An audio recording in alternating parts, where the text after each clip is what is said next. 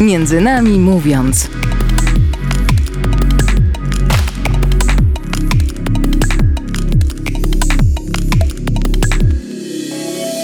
Dzień dobry, tutaj audycja Między nami mówiąc, przed mikrofonem Stanisław Bresz. Słyszymy się po krótkiej przerwie i wracamy do tematu wojny na Ukrainie. No i po raz kolejny będziemy rozmawiać o tym, jak wygląda y, sytuacja na właściwie na granicy polsko-ukraińskiej.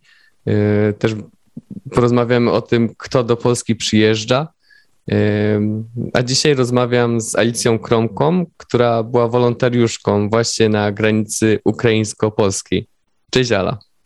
Cześć wszystkim. Bardzo mi miło być y, ponownie Ciebie gościem, Stasiu. No właśnie, bo już wcześniej się słyszeliśmy, a w zasadzie nagrywaliśmy wspólnie przy okazji naszego pobytu na wyspie Lesbos, gdzie byliśmy wolontariuszami przy obozie dla uchodźców.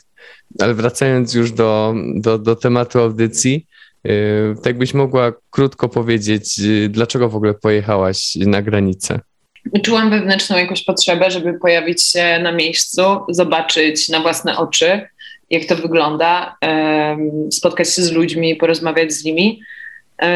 I też ten temat e, powoli zaczął cichnąć w mediach społecznościowych. E, coraz bardziej włącza się taka znieczulica społeczna na to, co się dzieje e, w Ukrainie. I poczułam, że to jest właśnie ten czas, żeby, żeby tam być i żeby mm, no, żeby pomóc. No właśnie, bo my rozmawiamy chwilę po tym, jak ty wróciłaś z, z granicy, więc y, masz takie rozeznanie, jak to teraz wygląda. Bo w sumie, tak jak powiedziałaś wcześniej, y, mamy media, które już coraz, coraz rzadziej nas informują o tym, co się dzieje tam w Przemyślu i w innych miejscowościach, miastach przygranicznych. Y, no i właśnie, jakbyś mogła powiedzieć, czy to, to mniejsze zainteresowanie mediów wynika faktem, że coraz mniej ludzi przyjeżdża do Polski, czy po prostu to jest ta znieczulica, o której też wspomniałaś? To jest takie piękne i ważne pytanie. E, wydaje mi się, że to jest znieczulica, bo cały czas jakby problem się dzieje i będzie dziać się przez kolejne miesiące, e, dopóki wojna trwa.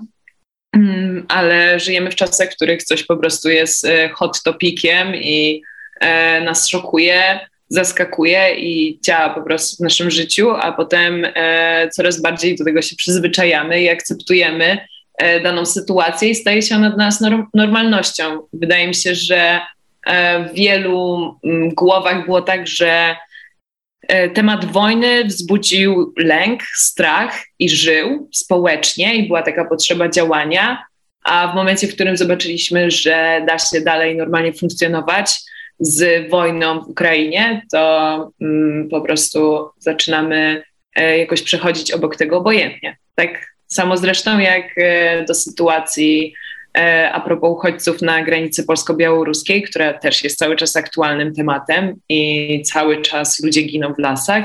I tak samo do sytuacji, która dzieje się na Lesbos i w Grecji.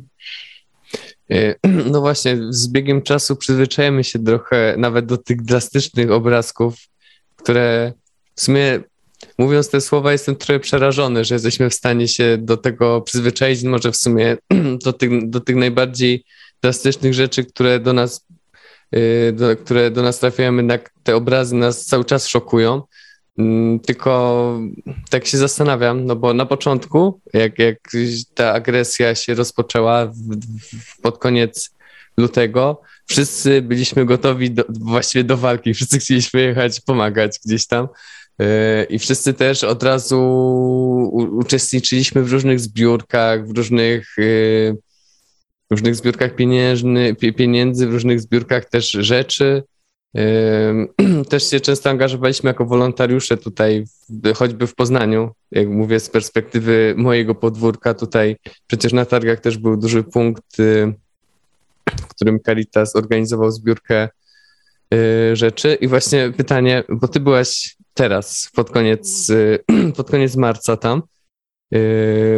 Czy było widać jakieś braki, braki właśnie tych rzeczy, które, potrzebowali które potrzebowały osoby do nas przyjeżdżające, czy cały czas te najważniejsze potrzeby były zapewnione? E, są zapewnione. Myślę, że zgromadziliśmy tak dużo rzeczy też rzeczy, które na przykład w ogóle nie są potrzebne. I cały czas one są jakby dosyłane, dostarczane na miejsca, na, no, na granicę i do przemyśla um, i tam, gdzie jest potrzeba.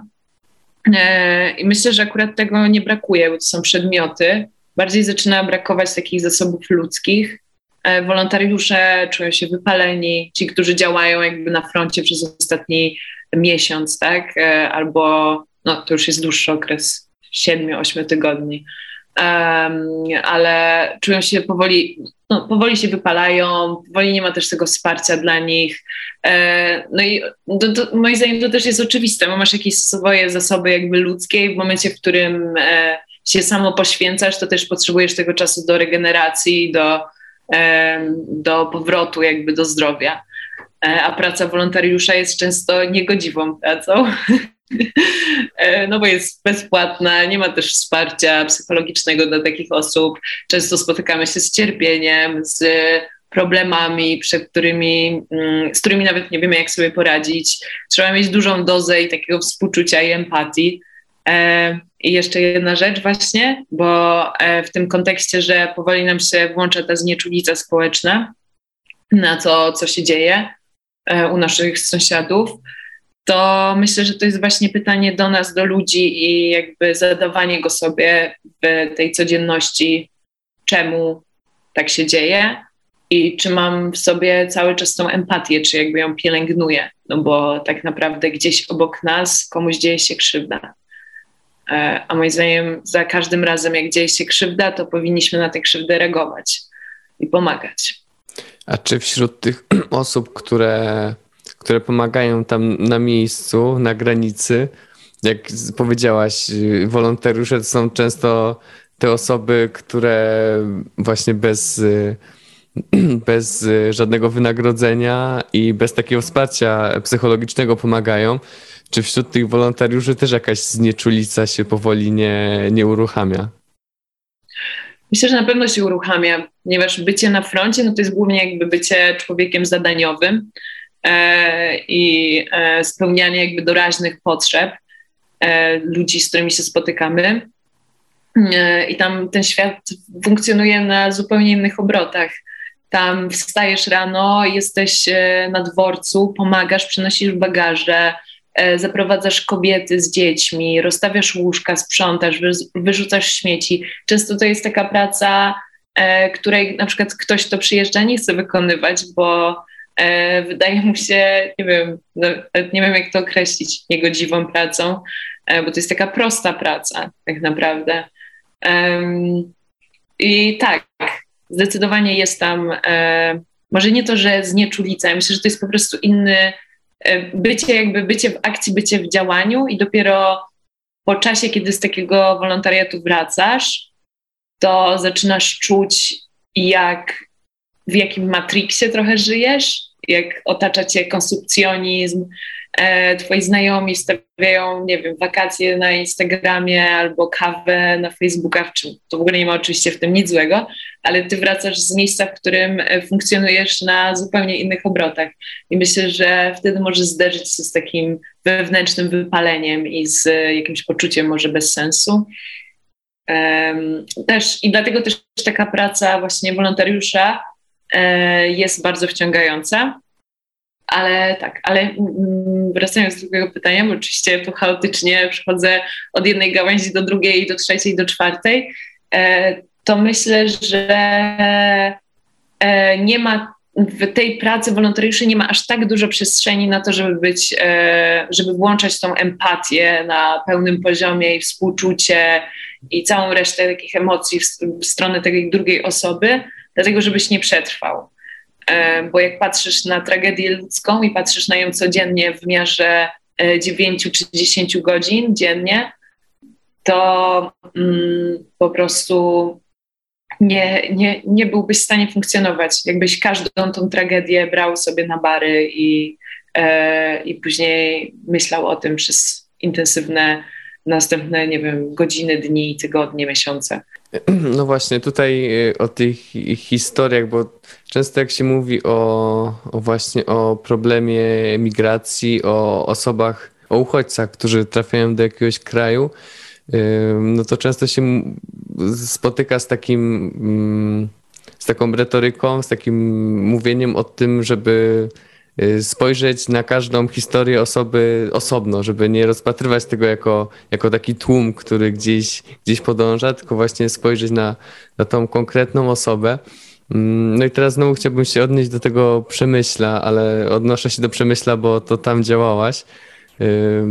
Ile tam mniej więcej osób się przewijało przez to miejsce, w którym ty pomagałaś? W sensie mam na myśli, ile pociągów dziennie przyjeżdża do Przemyśla teraz? E, w tym momencie do Przemyśla przyjeżdża mniej więcej, e, mniej więcej 3-4 pociągi dziennie. E, I są to pociągi z, z Lwowa, z Odessy, z Kijowa. I myślę, że dziennie na takim dworcu przewija się mniej więcej kilkaset do tysiąca osób, może nawet czasami trochę więcej. I to też jest taki punkt e, strategiczny na mapie Polski, gdzie te osoby nie zostają, ale jadą dalej. I albo jadą do innych większych miast w Polsce, albo do rodziny, do znajomych, e, albo za granicę. I głównie to są Niemcy albo Czechy. Czyli tak, ten przemysł jest taką poczekalnią trochę na, na przesiadkę. Tak, to jest poczekalnia dusz na kolejny bilet, e, na kolejny pociąg, na to, czy się zmieszczą w tym pociągu. E, na dworcu są noclegownie, noclegownia też jest w Tesco pod e, Przemyślem. Są też domy ukraińskie, mm, niektóre z parafii czy tam kościoły udostępniły swoją przestrzeń dla uchodźców. Tak. I to jest takie miejsce, gdzie codziennie przyjeżdża to kilkaset do może maksimum kilku tysięcy osób, e, nocuje i jedzie dalej. Jeszcze chciałbym Ci zadać jedno pytanie przed, przed przerwą w środku audycji. Aha, e, jasne. Powiedz mi, proszę, bo często, często się przedstawia e, taki obraz, że Ukraińcy, którzy do nas przyjeżdżają, szukają miejsca gdzieś najbliżej wschodniej granicy, znaczy wschodniej granicy Polski, żeby mhm. od razu w momencie, kiedy w Ukrainie będzie zawieszenie broni albo kiedy się okaże, że tam rzeczywiście można już bezpiecznie wrócić, żeby jak najszybciej wrócili do, do swojego kraju. Czy ty się spotkałaś z takim, z takim myśleniem, żeby wracać po prostu, że to jest tylko na chwilę i, i takie jednak pozytywne spojrzenie na całą tą sytuację? W sensie nie tyle pozytywne, co, co bardziej na, na przyszłość, jakoś takie pozytywne patrzenie. Jasne. E, nie, nie spotkałam się z tym. Raczej myślę, że może to były jakieś pierwsze postawy, ale w tych tygodniach, w których ja byłam teraz, e, już przyjeżdżają osoby, z, no, które doświadczyły wojny, które są straumatyzowane w pewien sposób. Nie wszystkie oczywiście, ale pojawiają się takie jednostki e, i one raczej chcą jak najdalej uciec, znaleźć miejsce, e, w którym będą bezpieczne. Myślę, że to jest w ogóle dla nich jakby najważniejsze, najważniejsze znaleźć miejsce, w którym poczują, że nic im nie grozi e, i w którym mogą normalnie funkcjonować. No dobrze. Znaczy, o, o tyle dobrze, o ile dobrze, bo o to doświadczenie, o to, o to doświadczenie właśnie osób, które do nas przyjeżdżają, chciałbym Cię popytać bardziej w drugiej części audycji. E, a teraz robimy przerwę na, na piosenkę, tak jak zwykle, tradycyjnie krótka przerwa muzyczna, a dzisiaj y, słuchamy wyborów muzycznych Alicji Kromki. Tak, i zaczniemy od piosenki Nikt zespołu LOR.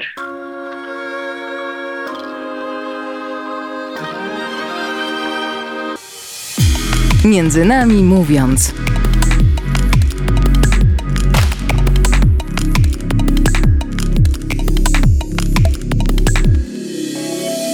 I wracamy po krótkiej przerwie muzycznej. Dzisiaj moim gościem jest Alicja Kromka, a rozmawiamy o sytuacji na granicy ukraińsko-polskiej. Alicja przez jakiś czas była wolontariuszką właśnie tam i pomagała osobom przyjeżdżającym do, przyjeżdżającym do naszego kraju jakoś się tutaj ogarnąć. Y, no i Ala, takie pytanie teraz y, w sumie na początek po tej przerwie. Y, z jakimi historiami osób się spotykałaś? Właśnie przed, przed jeszcze przed tą piosenką powiedziałaś, że teraz coraz więcej osób przyjeżdża z jakimiś traumami. Jak to wygląda? Tak, bardzo często przyjeżdżają osoby i myślę, że to było dla mnie takie najbardziej mm, uderzające, że przyjeżdża rodzina mm, z dziećmi. Oczywiście nie ma tam mężczyzny, bo mężczyzna jest jakby na froncie. Powiedzmy, że to jest babcia, mama i E, i dzieci, tak? Albo jeszcze siostra tej mamy. Mm, I na przykład spotykam się z czymś takim, że one nie wiedzą, co dalej. I że po prostu uciekły, mają tylko i wyłącznie ze sobą ten podręczny bagaż. Naprawdę są lekkie torby. To jest tak, że one wzięły coś, co było im pod ręką. W żaden sposób nie myślały o tym, co spakują, jak to będzie wyglądać.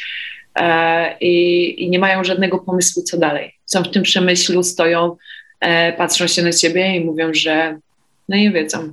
One po prostu chcą znaleźć miejsce, gdzie, gdzie będą mogły być wszystkie razem. No i to ja myślę, że, nie, że to jest w ogóle jakaś e, taka sytuacja, którą bardzo ciężko sobie wyobrazić w swoim własnym życiu, bo to jest tak naprawdę tragedia, że ktoś ucieka i że po prostu ucieka, żeby uciec nie ma żadnego planu, gdzie, z czym się spotka, tylko żeby jak najszybciej opuścić granice swojego państwa. No, e, też były inne historie, na przykład e, takie osobiste to e, babcie, które miały po 80 kilka lat. Spotkałam, nie wiem, z, codziennie było z kilka takich babci, e, które ledwo co chodzą i też jadą jakby dalej, mm, żeby, żeby po prostu przetrwać.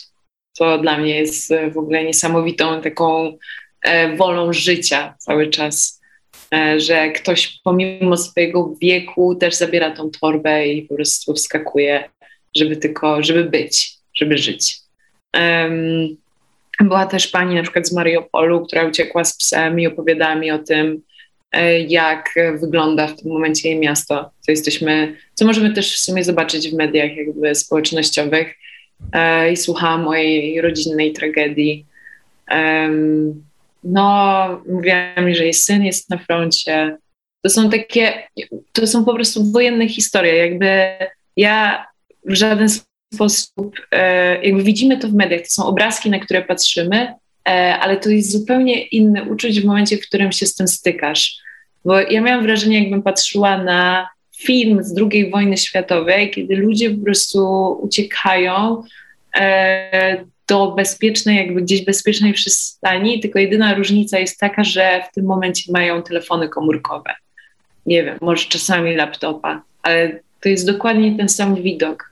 Z tego pociągu wychodzi E, setka osób e, przechodzą przez Straż Graniczną, e, mają ze sobą tylko podręczne bagaże, to są rodziny, starsi ludzie, dzieci, masa dzieci. To jest coś, co sobie trudno wyobrazić, to, że są rzeczy, które się dzieją jakieś tysiąc kilometrów od nas i że tysiąc kilometrów od nas dzieją się takie rzeczy, które my pamiętamy, znamy z lekcji historii, znamy gdzieś z jakichś filmów historycznych z Warszawy z 1944 roku, a to się nagle okazuje, że cały czas można w XXI wieku zrównać, zrównać miasta z ziemią. Tak. Zabijać ludzi, bombardować szpitale, e, bloki cywilne, szkoły. Jak widać, e, ktoś sobie daje na to pełne przyzwolenie. Straszne to jest. I w sumie tu nawet nie ma jakichś słów, które mogłyby wyrazić, co tam się dzieje. Moim zdaniem e, ta historia powinna cały czas żyć jakby w przestrzeni publicznej, w domach, powinno się o tym rozmawiać, e, siadać z dziećmi, jakby przekazywać im też tą wiedzę, empatyzować z tymi ludźmi, którzy uciekają, z tymi, którym tam są na froncie, by nie dopuszczać też do siebie jakichś takich głosów lęku o, o to, że mamy tyle osób z Ukrainy w tym momencie. Nie skupiać się jakby na negatywach, na skandalach, bo one będą, jakby to jest tak, że ucieka, uciekają miliony ludzi. E, oczywiście, że wśród milionów ludzi trafią się też źli ludzie, to jest jakby pewne, ale bardziej e, cały czas pielęgnować sobie tą, nie wiem, tą potrzebę właśnie pomocy, współczucia, e, rozmowy, empatii, jakby takiego zrozumienia i pomyślenia sobie, że przecież nas też to może spotkać. Oni też myśleli do ostatniego dnia, że nie będzie tej wojny, że to jest jeden wielki żart i że nikt nie zbombarduje im domu, nie zabije męża, e, że nie będą musieli uciekać. Chciałem się Ciebie spytać o to, czy jest jakaś pomoc psychologiczna w przemyślu dla tych osób, które przyjeżdżają z Ukrainy? Jeżeli chodzi o pomoc psychologiczną w przemyślu, to y, spotkałam się z kilkoma wolontariuszami, którzy mogą jakby udzielić takiej doraźnej pomocy, ale moim zdaniem też y, w takich okolicznościach pomoc psychologiczna nie powinna być jakby krótkoterminowa, ale długoterminowa. Y, często to jest potrzeba psychoterapii, często terapii leczenia traum, rozmowy, nie wiadomo jakie w sumie E, jakie są skutki tego, co przeżyli, tego, co zobaczyli ci ludzie.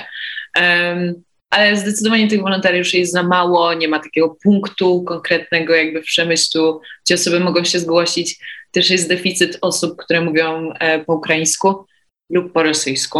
Um, I często jest tak, że bardzo ciężko jest się dogadać, bo mimo to, że rozumiemy e, niektóre słowa, no to wiadomo, że jeżeli ktoś chce ci opowiedzieć o tym, co doświadczył, to potrzebujesz umieć mówić w tym konkretnym języku, a nie jakby wyłapywać kontekst na podstawie kilku słów.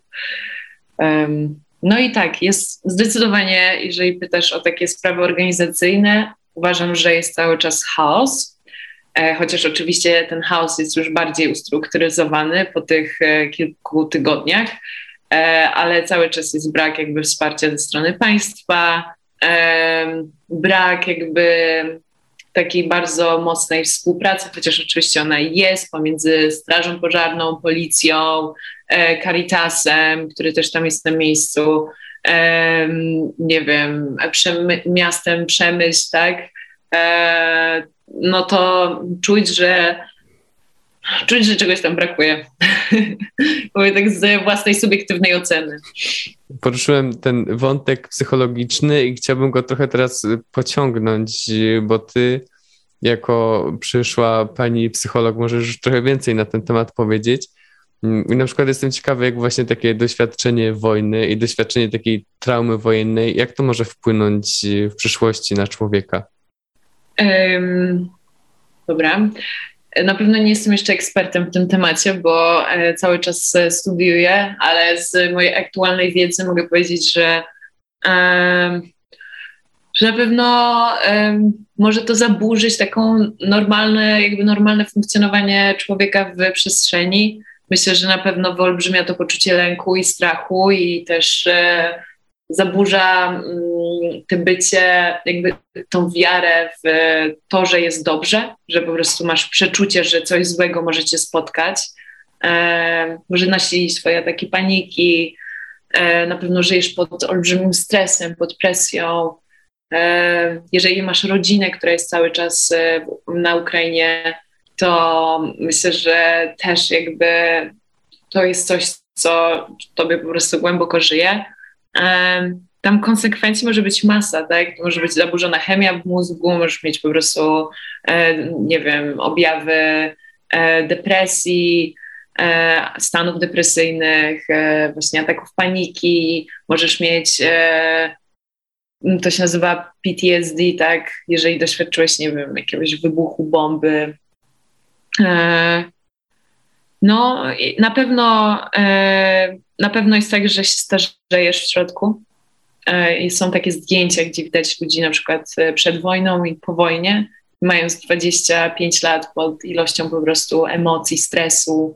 E, nie wiem, to, są, to ja nawet nie jestem w stanie opisać tego, co te jednostki czują, ale po prostu wewnętrznie się starzejesz, wiejesz, tak? Jakby zupełnie inaczej postrzegasz to, co się dzieje dookoła ciebie. E, myślę, że tam oczywiście więcej powiedzą osoby, które zajmują się tym 100%. Ja tak bazuję tylko na, i wyłącznie na ogólnikach. E, także jeżeli ktoś chciałby wiedzieć więcej, to zapraszam do lektury na wujku Google. A myślę, że tak e, powierzchownie odpowiedziałam na to, co, co się może wydarzyć. Jeszcze chciałbym się Ciebie zapytać w kontekście Twojego wcześniejszego doświadczenia tej pomocy wolontaryjnej na wyspie Lesbos, najpierw jako wolontariuszka Caritasu, później jako wolontariuszka jeszcze w Refocus Media Labs. E, tam pomagałaś, e, też pomagałaś uchodźcom, którzy byli w obozie dla uchodźców. E, powiedz mi, jak różnią się te doświadczenia, te z Lesbos, z tymi z Przemyśla? I w ogóle jeszcze mogę, chociaż nie było mnie na granicy polsko-białoruskiej, to uważam, że to też jest jakby case, który można poruszyć. I teraz tak, Lesbos to jest miejsce, gdzie osoby przyjeżdżają, jeżeli oczywiście nie było tak zwanego pushbacku, czyli straż jakby e, graniczna Frontex europejska nie, nie sprawiła, że, że z powrotem wracają do kraju, z którego wyruszyli. I jeżeli udało im się dostać na wyspę, no to tak naprawdę żyją tam w zawieszeniu, dopóki nie dostają e, ochrony międzynarodowej, e, papieru, który daje im jakby no takiego europejskiego, no po prostu europejskiego paszportu greckiego, tak? Um, i to jest życie w zawieszeniu przez mniej więcej okres półtora roku do dwóch lat. E, jeżeli są naprawdę jakimiś parciarzami, szczęściarzami, to powiedzmy w ciągu roku dostaną papier i będą mogli się z tej wyspy ruszyć dalej, ale perspektyw nie ma zbyt wielu, no bo to jest Grecja, gdzie masz kryzys ekonomiczny i cała reszta.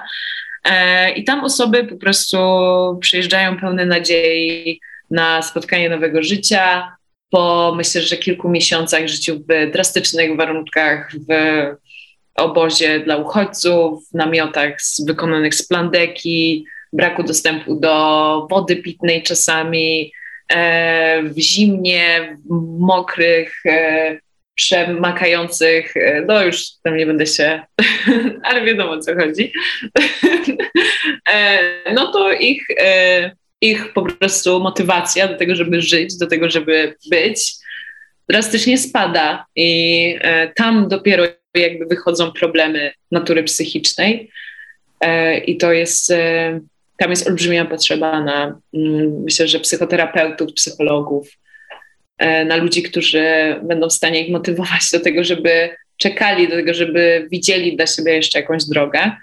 Mm, uchodźcy z Ukrainy, no to jest jakby doświadczenie wojny, e, ale oni mają tą drogę, nie, nie wszyscy oczywiście, ale większość z nich, żeby uciec, żeby poszukać tego bezpieczniejszego miejsca. Oczywiście przeżywają tragedie, traumy, doświadczają jakby myślę, że śmierci swoich e, znajomych, tak, mężów, nie wiem, synów, nie, naprawdę.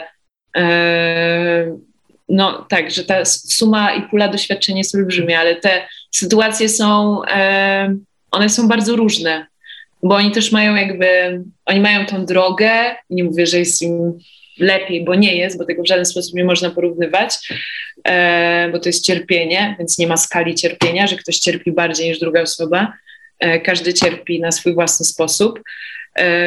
Ale tam jest jakby ta potrzeba na pewno doraźnej pomocy, potrzeba, no, potrzeba znalezienia schronienia. Myślę, że jak to schronienie się znajdzie, no to jest jakby cała przestrzeń do pracy. No i później jest e, właśnie sytuacja na granicy polsko-białoruskiej. No i tam już jest jakby, myślę, że olbrzymi problem. I w ogóle myślę, że w Polsce powinno się o tym mówić cały czas, to powinno też żyć, po prostu buzować w przestrzeni publicznej, bo tam ludzie umierają w lesie i tam ludzie są zostawieni e, na pastwę swojego własnego losu i to też są rodziny z dziećmi e, i tam myślę, że już jest tylko i wyłącznie ten, ja nie wiem, ta siła po prostu ludzkiego przetrwania, która sprawia, że oni cały czas żyją i że cały czas e, funkcjonują. Jeszcze chciałem zapytać o poczucie takiej bezradności jako wolontariuszki. I to też chciałbym się odnieść do tego doświadczenia z Lesbos, bo pamiętam, że e, my dużo rozmawialiśmy ze sobą właśnie o tym, że się czujemy zupełnie bezradni wobec tych historii, które tam spotykamy i w ogóle tak szerzej patrząc wo wobec losu tych ludzi, którzy są na Lesbos i jak to jest, y, jak się jest wolontariuszką właśnie pomagającą osobom, które uciekają przed wojną? Też jest takie poczucie, na pewno jest poczucie bezradności dużej. Tak, ale też widzisz, że oni mają e, możliwość, możliwości, że jesteś w stanie naprawdę doraźnie komuś pomóc, że wiesz, że ta osoba nie wróci za chwilę do, z powrotem jakby do tej wojny, tylko ona idzie dalej, że ona rusza, że ona ma jakby perspektywę, e, więc myślę, że inaczej na to patrzysz. Tam też jest masa jakby radości, pięknych chwil, e, czasami poznaje nowych osób, przyjaźni, znajomości, tak? Bo pomagasz komuś, poznajesz e, tę rodzinę, czasami, nie wiem, osobę od środka, zaczynasz nawiązywać z nią kontakt i okazuje się, że jesteście bardzo do siebie podobni pod wieloma względami, że obydwoje jesteście ludźmi. E, I tak, no i myślę, że i to też jest piękne, to jest coś, co na pewno daje ci też e, wolontariat i co tak trochę po, zakrywa to poczucie bezradności, które występuje w wielu chwilach. Myślę, że właśnie ten wolontariat przemysł jest taki, że to, to poczucie bezradności jest mimo wszystko mniejsze, bo tam masz tą perspektywę, która jest taka ważna, bo rzeczywiście widzisz, że ta twoja pomoc, e, że ona coś daje, że tam jest, że jak wyjedziesz stamtąd, to z- zrobiłeś na tyle, ile mogłeś zrobić, e, ale wiesz o tym, że rzeczywiście sprawiłeś, że czyjeś życie było przez chwilę, przez moment jakby lepsze. Um, I że ta osoba za chwilę będzie gdzieś, gdzie ktoś inny też o nią zadba. E, a Lesbos jest takim miejscem, gdzie dajesz komuś jedzenie, tak, zajmiesz się czymś dzieckiem, a potem zdajesz sobie w 100% sprawę, że ta osoba z powrotem wraca do tego obozu, tego małego więzienia.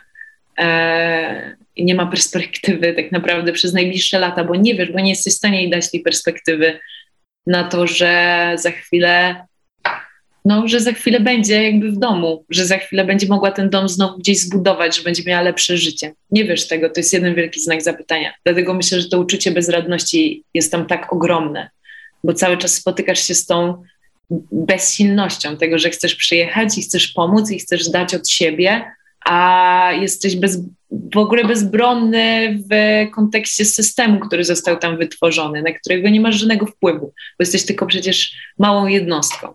Chociaż ja wierzę, że e, jak się zbierze dużo takich małych jednostek, to można doprowadzić do dużych zmian, e, olbrzymich zmian. Więc ja wierzę w to, żebyśmy się łączyli i właśnie wymieniali doświadczeniami i razem czynili dobro. Dziękuję Ci bardzo za rozmowę. Dzięki, Staś, to była taka przyjemność, serio. Dziękuję Ci. No, po mojej stronie też. I z drugiej, z drugiej strony, z drugiej strony przekaźnika, mała jednostka, Alicja Kromka. Mała, mała jednostka, ja. która robi często dużo hałasu. Zgadza się. E, uwielbiam robić dużo hałasu, dlatego zrobię go też pod koniec tej audycji. Moi drodzy, ostatnia nuta to jest e, Play with Fire Rolling Stonesów. Zapraszam do słuchania. I jeszcze raz, Stasiu, wielkie dzięki. Jesteś wspaniałym hostem. Nie mogę się doczekać, aż następny raz u Ciebie wystąpię na czym, czerwonym dywanie.